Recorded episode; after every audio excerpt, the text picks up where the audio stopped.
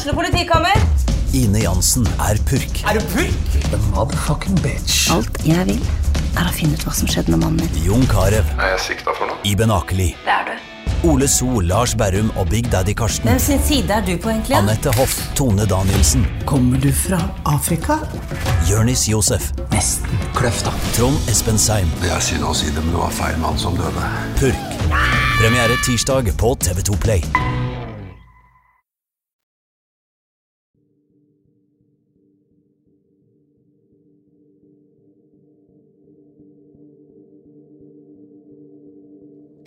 Narvikmannen Terje Tobiassen var en kjent mann i hundemiljøet og drev med oppdrett av pointerhunder.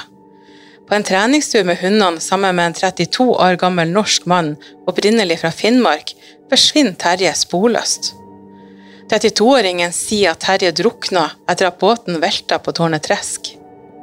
Svensk politi mistenker nesten fra starten at det har skjedd noe kriminelt, og at det hele ikke var ei ulykke.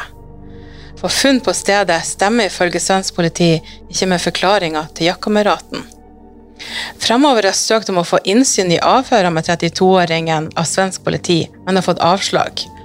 Han er i dag død og kan derfor ikke gi sin forklaring på hva som skjedde. Det eneste vi har, er hans forklaring i Fremover og Nordlys, og noe skriftlig materiale fra svensk politi.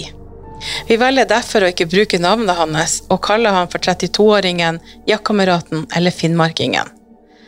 Svensk politi leter og leter, med dykkere, helikopter, båter, hunder og en bemanna ubåt, men de finner verken kroppen eller spor etter Terje. I forrige episode fikk du høre at etter at han Terje ble meldt savna, begynner svensk politi å mistenke at den norske 32-åringen lyver. Det vi enda ikke har fortalt, er at dagen før Terje angivelig skal drukne i Tornetresk, så drar Terje og 32-åringen på fest. Fremover skriver 16.8.1994 at de to ble observert i Abisko og på Bjørkliden hotell lørdag kveld. Tobiassen skal ha fått forbytta sin anorakk med en brun nappa skinnjakke når de to forlater hotellet. Han er ellers kledd i mørke bukser og grønne støvler. Planen er å dra tilbake til øya. Men ingen andre enn den mistenkte 32-åringen har sett Terje etter at de forlot hotellet like før midnatt denne lørdagskvelden. Fremover har fått tilgang på avhør gjort av vitner. Et vitne forteller at han var i sin leilighet i Abisko lørdag kveld 21.8.1993. Da fikk han besøk av Terje og 32-åringen. Et avsnitt er sladda før vi kan lese at Terje tok en grogg hjemme hos vitnet. 32-åringen drakk ikke noe alkohol hjemme hos dette vitnet. Ved ca. 23.30-tida kjører de tre til Bjørkliden. Det var 32-åringen som kjørte, og de brukte hans bil. Da Terje og 32-åringen kom til vitnet, hadde Terje på seg en jakke og en rød caps. Denne jakken og capsen glemte Terje hos vitnet. Mer om det får du høre seinere. Vitnet forteller at på Bjørkliden hotell bestiller Terje tre grogger, altså tre alkoholholdige drinker. Et vitne observerer også at Terje bestilte en sterkøl. Vitnet forteller at de to nordmannene var et par timer i Bjørkliden før de forsvant. Men vitnet kan ikke gi noe eksakt tidspunkt for når de forlot hotellet. I et annet avhør, muligens med samme vitne, er det snakk om at 32-åringen hadde bursdag denne lørdagen. Og det stemmer. I etterforskningspapirene står fødselsdatoen, og finnmarkingen var født 21.8.1961. Så denne dagen fylte han også 32 år. Vitnet forteller at Terje gikk for å bestille champagne for å feire bursdagen, men champagnen kosta over 400 kroner. Vitnet satt ikke sammen med nordmennene hele tida, og vet ikke om de bestilte flere spritholdige drinker fra baren. Men vitnet sier nå at nordmennene forlot hotellet før 23.15, for da kom hans kjæreste til hotellet. Da hadde de to forlatt stedet. Et annet vitne forteller at han var i baren da de to nordmannene kom inn lørdag kveld. Han husker at de var kledd i turklær, og at de var også i selskap med en annen person han kjente. Vitnet var på jobb fra 20-tida til klokka 02 denne kvelden. Han husker at begge var påvirka av alkohol, og sier de var synlig berusa da de kom.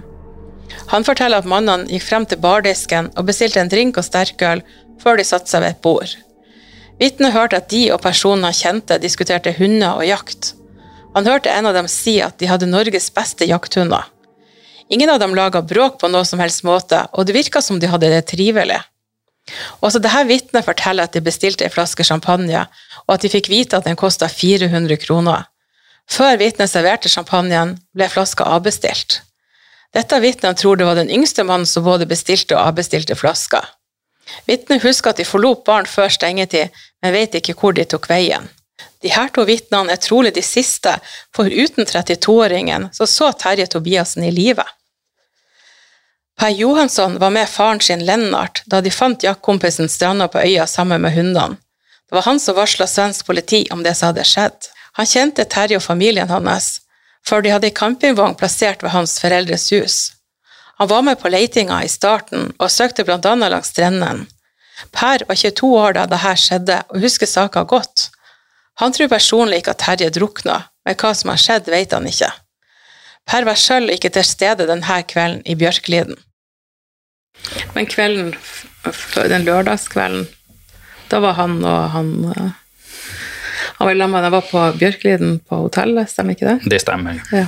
Kjenner du noen som var der sammen med dem? Jeg, nej, inte som jag känner så där direkt eh, som var tillsammans med dem. Men jag vet folk som var på, var på hotellet samtidigt. Som hade träffat dem när de var på väg hem, när de stängde. Da var det god stemning? Då var det rätt bra stämning, ja.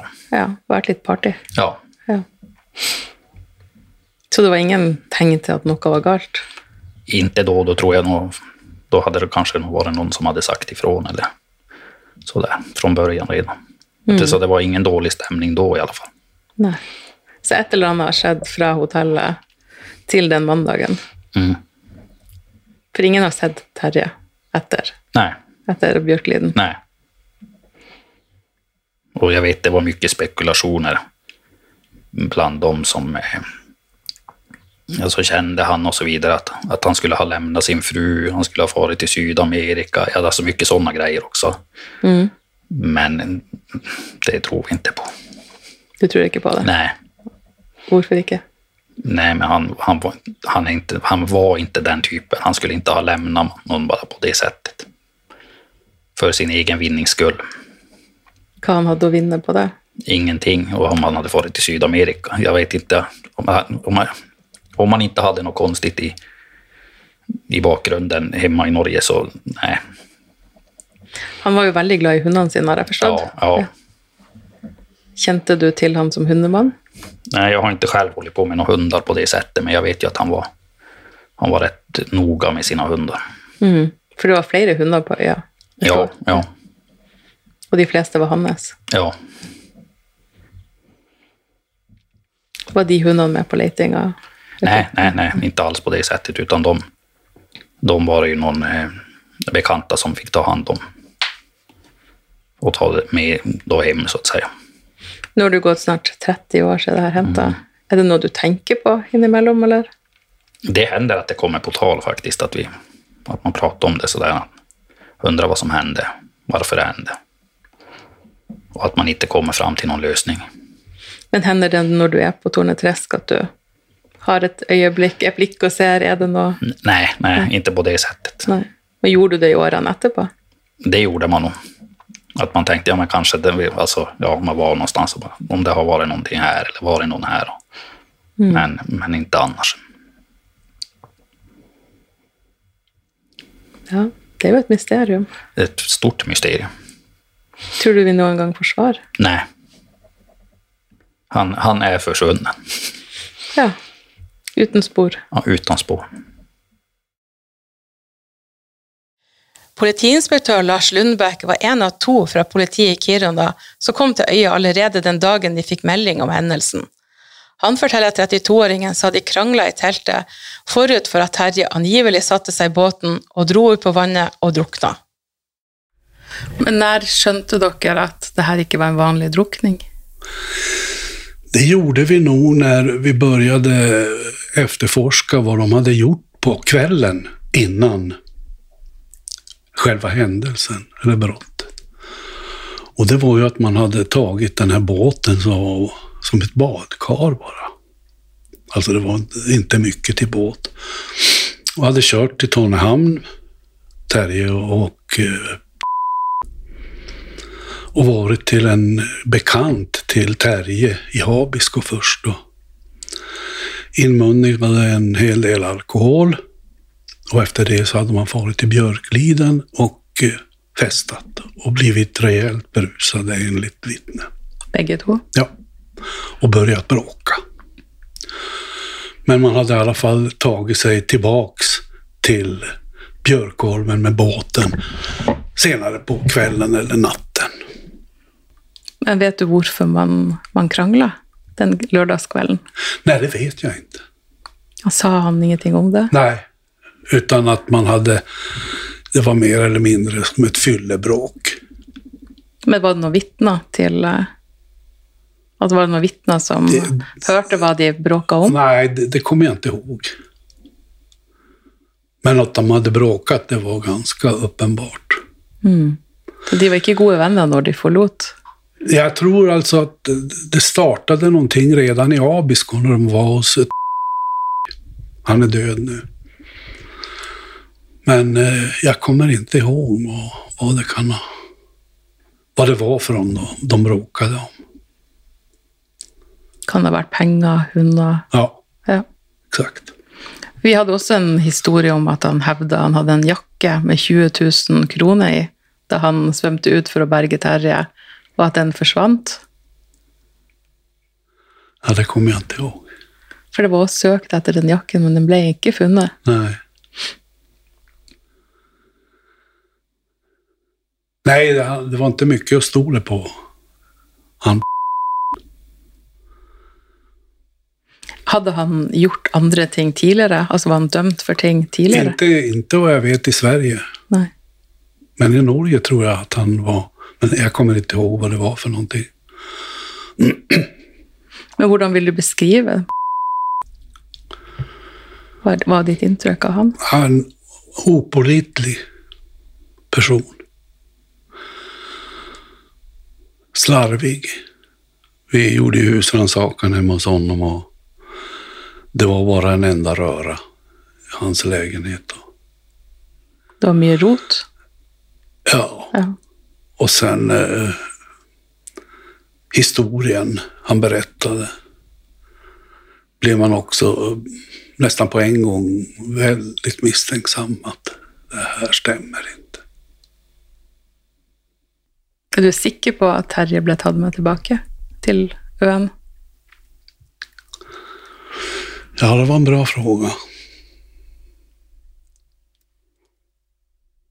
Nej, det kan jag inte svara på.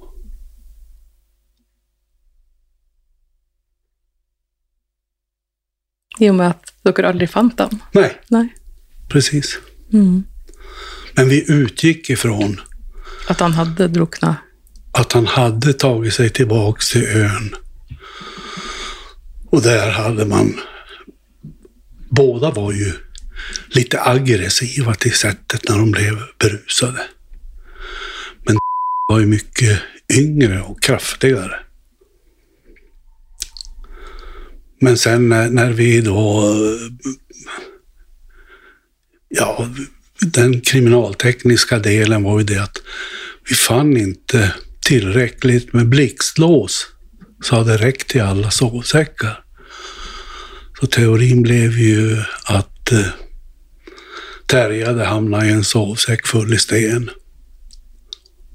och kört ut på vattnet och, och slängt i honom. Det fanns en, eh, ett vittne som eh, var i Djupviken. En som hade på natten vaknat och hört en motorbåt som körde i riktning mot Tornehamn. Hon hade inte sett den eller klivit upp, men bara några minuter senare så hör hon att den är på väg tillbaks och troligtvis då mot Björkholmen. Og det var litt konstig. Ja, det var ju märkligt eftersom han hade ju en helt annan historia. Roine Nordstrøm var dykker og politi, og han var også med helt fra starten i søk til Terje. Han dykka i Tornetresk og var med på å finne briller, støvler og sigarettpapir. Roine dykka i time etter time uten å finne spor etter Narvikmannen.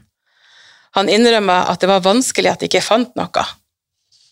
Men blir man frustrerad når man ikke finner noe? Ja, det blir man ju för att eh, man tänker liksom att eh, här ska det vara och så har man tänkt ut en teori då. Men ingenting.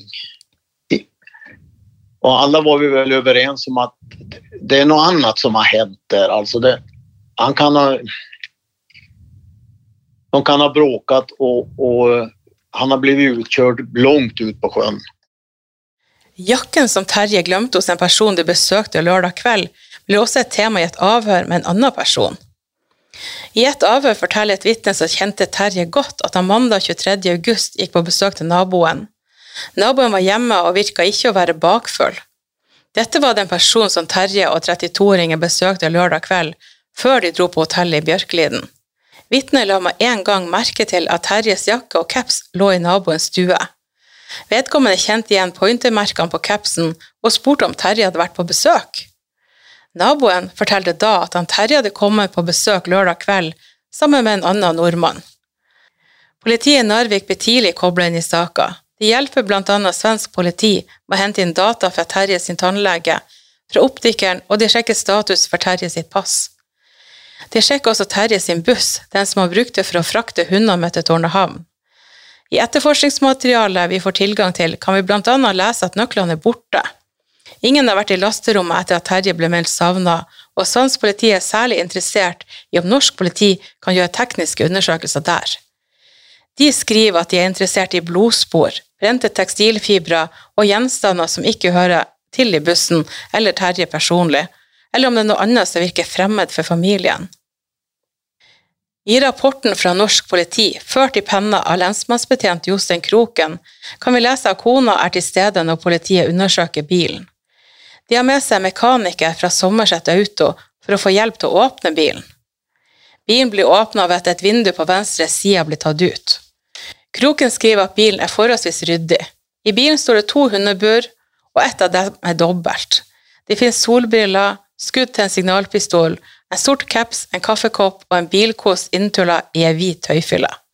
I varerommet er det et par grønne gummistøvler, et telt i en pose, en stav som er en forlengende arm til påhengsmotoren, en campingstol og to hundebur. Det eneste kona Kjersti ikke kjenner igjen, er solbrillene. Det står også at bilens tenningslås er brutt sund. Politiet finner bl.a. røde fragmenter på et hundebur i bilen. Det er også ei hvit tøyfylle med en bilkost inni. Det er noen flekker på tøyfylla. Dette blir sendt til Kriminalpolitisentralen og analysert ved Universitetet i Oslo. Analysene viser at det ikke er indikasjoner på blod på materialet fra hundeburet eller tøyfylla og kosten. De røde flekkene er med andre ord ikke blod. Norsk politi sjekker også om Terje har et pass. Hans pass gikk ut 25. mai 1993, og han har ikke søkt om et nytt. Hvis det er utstedt et nytt pass et annet sted enn i Narvik, så ville Narvik politikammer få skriftlig beskjed om det. Politiet i det som het Nord-Varanger lensmannskontor, ble også involvert. Svensk politi ber om utskrift av norske bøter og strafferegistre. Det ble også anmodet om å drive etterforskning i miljøet rundt den mordmistenkte finnmarkingen. Svensk politi vil gjerne ha en beskrivelse av 32-åringen som person, både under oppveksten, familiære forhold, og de ønsker kontaktinfo på personer det kan være hensiktsmessig å snakke med. I rapporten som fremover har fått kopi av, er det aller meste sladda, og de enkeltsetninger som er igjen, kan vi ikke gjengi. De er tatt ut av en sammenheng og gir liten mening. En annen ting som kommer frem etter hvert, er at vitner som har meldt seg, har sett bussen til Terje. Fremover skriver 30. juni 1994 om at man sjekker hvor bussen til Terje Tobiassen var parkert den kvelden søndag 22. august. Sto den på parkeringsplassen ved Tornehavn, sånn som 32-åringen hevder, eller sto den på en parkeringsplass øst for Abisko, sånn som vitneopplysninger kan tyde på? Vitnene er en norsk far og sønn. Begge kjente Terje Tobiassen og bussen han kjørte. De to hadde vært på en hundeutstilling i Gjellivare og Ballberget denne helga. På vei hjem søndag kveld mener de å ha sett Terje Tobiassen sin buss parkert på en parkeringsplass i nærheten av Abisko.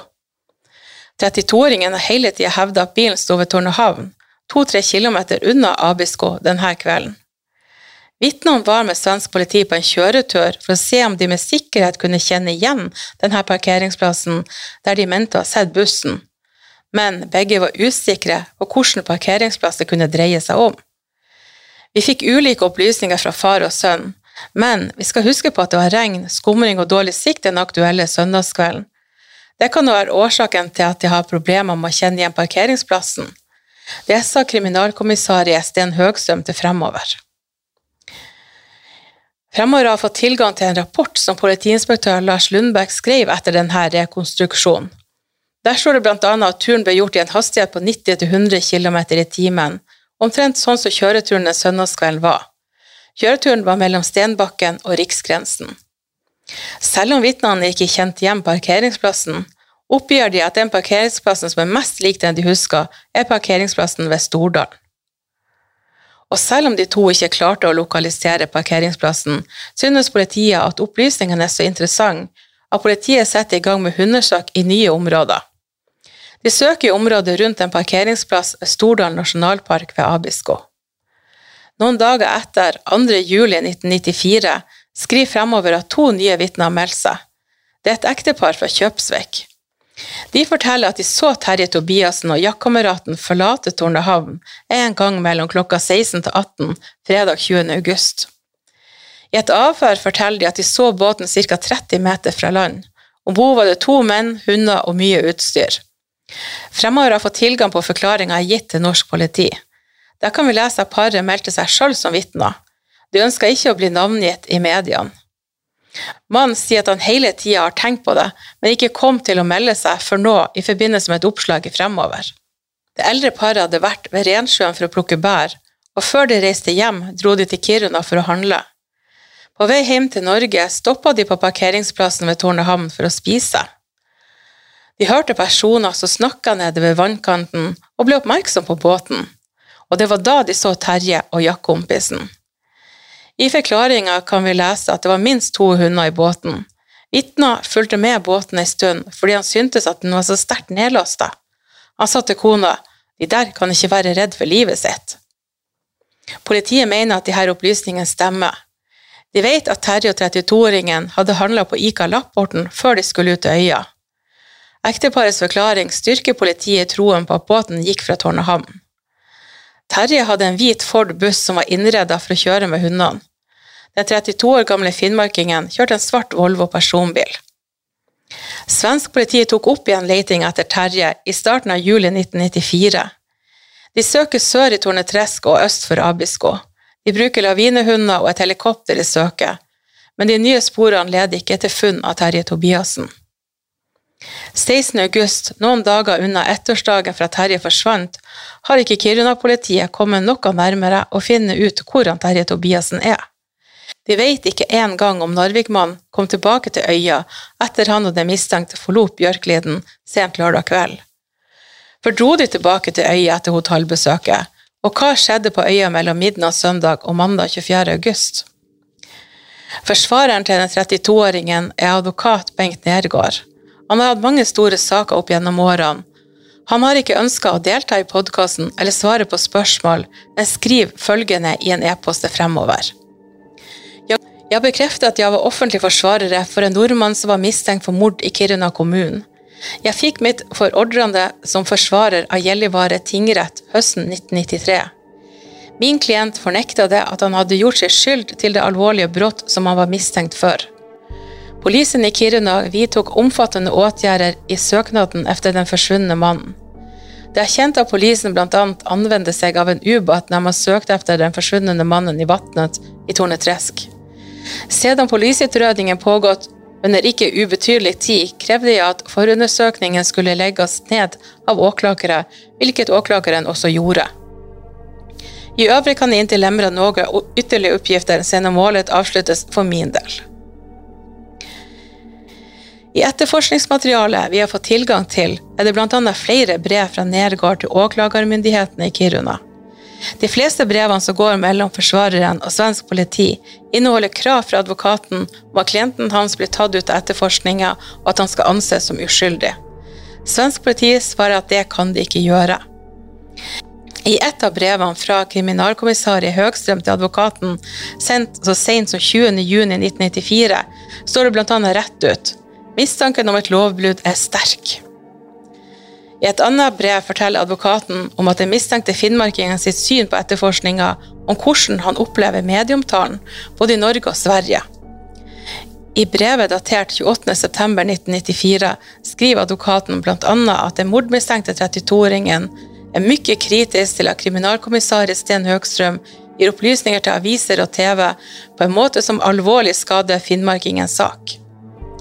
I brevet nevnes spesielt en artikkel i Nordbottens Kuriren, hvor Høgstrøm skal gi gitt en del personlige kommentarer om hvem som er skyldig. Forsvareren skriver at 32-åringen ikke kan forsvare seg mot det her.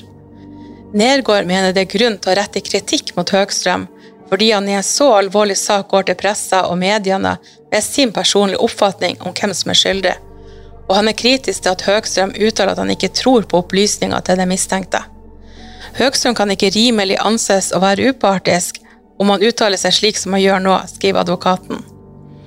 Han viser til at Høgstrøm også i tidligere artikler har kommet med spekulasjoner som 32-åringen ikke kan forsvare seg mot. Årsaken til det er at opplysningene i etterforskninga ikke er offentlige.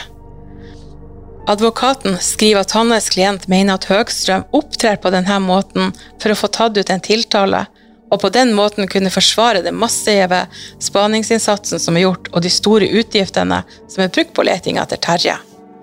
Han påpeker også at det Høgstrøm sier til svenske medier, blir videreformidla i norsk TV og i norske aviser. Dette gjøres på en sånn måte at det etterlatte inntrykket er at det ikke er noen som helst tvil om at 32-åringen er skyldig. 32-åringen lider sterkt av dette, skriver advokaten. Han påpeker at letinga i Tornetresk er avslutta uten resultat, og ber om at etterforskninga blir avslutta, og at 32-åringen skal anses som uskyldig. Du har hørt femte episode i podkastserien Hva skjedde med Terje? Mitt navn er Ann-Kristin Hansen. Vet du noe om denne saka? Ta gjerne kontakt på e-posten anha-alfakrøll-fremover.no. A-n-n-h-a alfakrøll-fremover.no. I neste episode av podkastserien får du høre hva finnmarkingen sjøl sier om mordanklagene.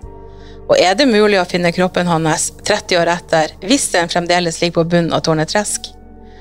Og hvordan har denne saka prega politietterforskerne som jobber så intenst med å finne Terje Tobiassen?